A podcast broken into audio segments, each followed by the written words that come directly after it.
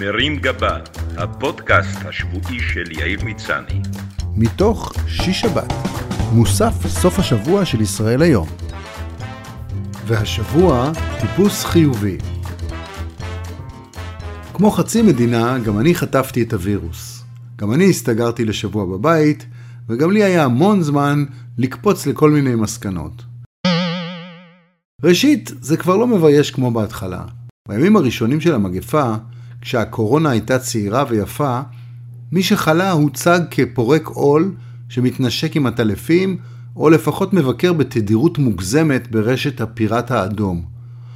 היום, אחרי שכל העולם ואשתו המחוסנת מאומתים, זו כבר מחלת מיינסטרים חוצת קהלים שפונה לכל המשפחה. שנית, אין דין קורונה כדין שפעת של פעם.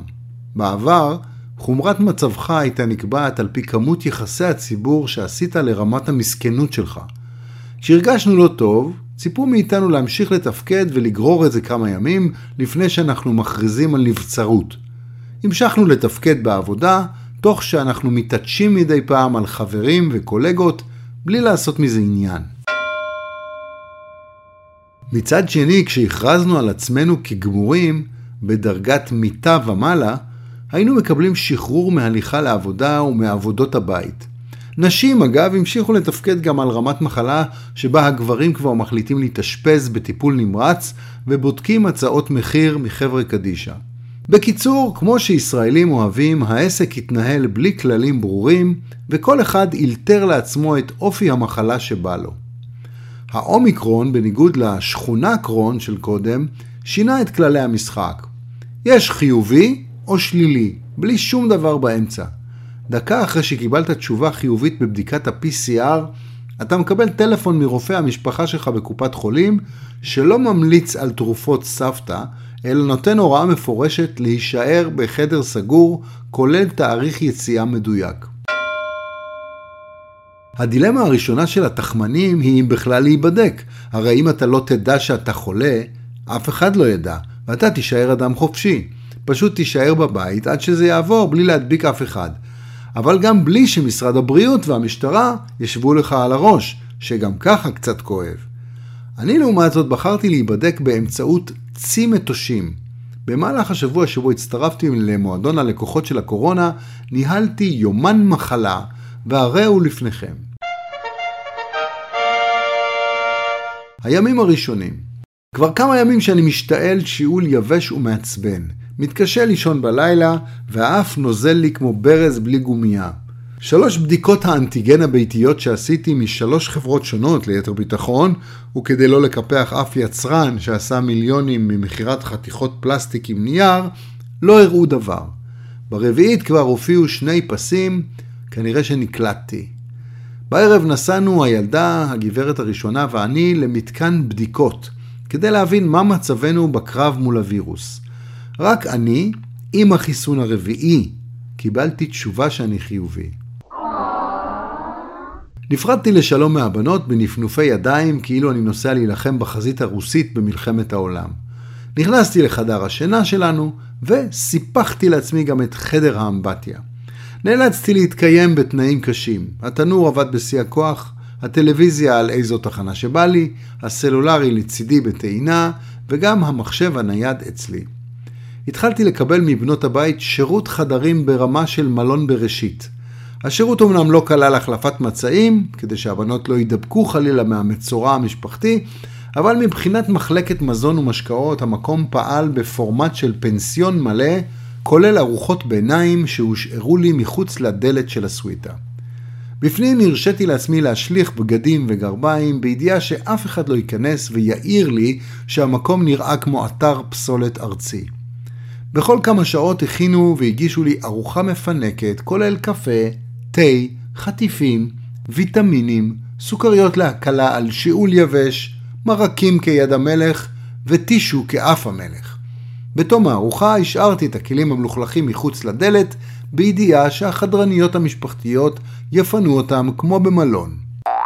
כמה חברים הגיעו עד לדלת הבית עם תבשילים ביתיים, ואחרים שלחו לי משלוחי גלידה עם שליח.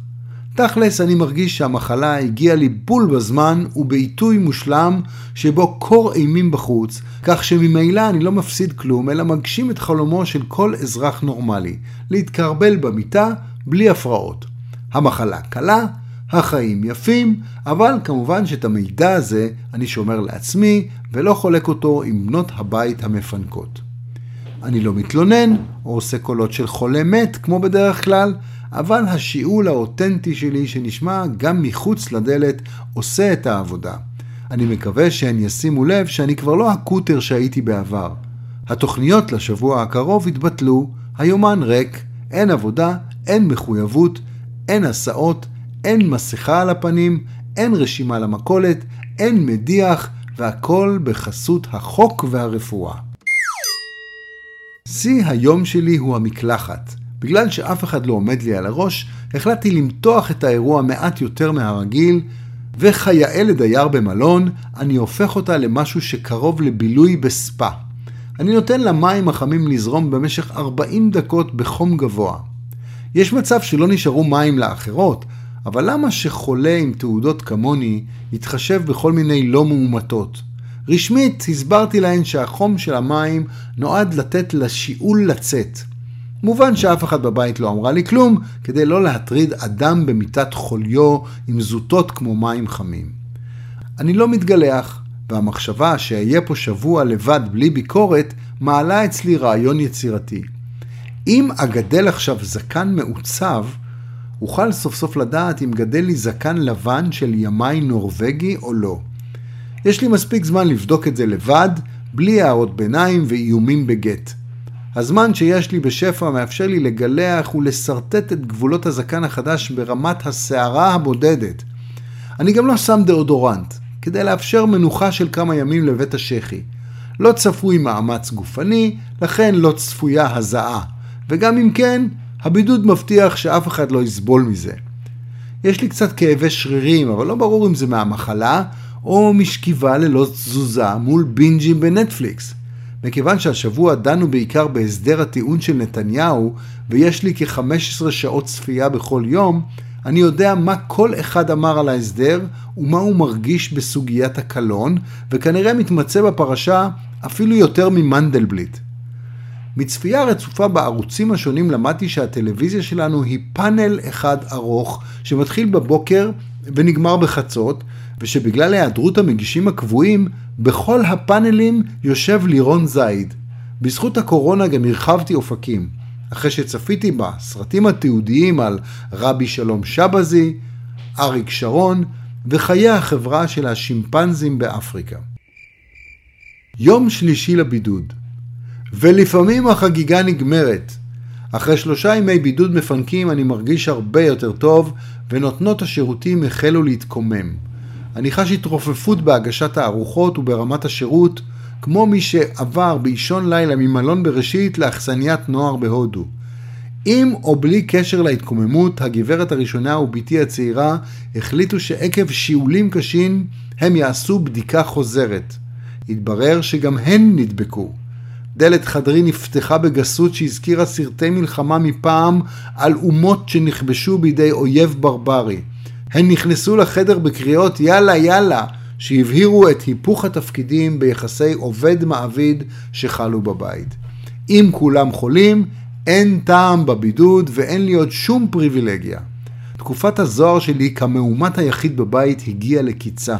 ומכיוון שאני החולה הוותיק שכבר נמצא בדרך החוצה, הפכתי משך שמקבל שירותים לכובס, שף, רוקח, סניטר ופיקולו.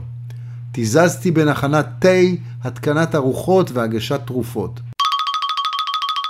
אחרי שבוע, הבידוד שלי הסתיים. בנות הבית עדיין עם שני פסים, כך שעכשיו אני יכול לספק להם שירותים גם כשליח חיצוני. אחרי ביקור בסופר הרגשתי כאילו חזרתי ממסע אלונקות. לא ברור אם זו התופעה המכונה פוסט קורונה, או שסתם התמכרתי לבטלה. נכון לעכשיו אני בטלן מאומת, תסמונת המכונה גם כובד 19. שבת שלום. מרים גבה, הפודקאסט השבועי של יאיר מצני. מתוך שיש שבת. מוסף סוף השבוע של ישראל היום.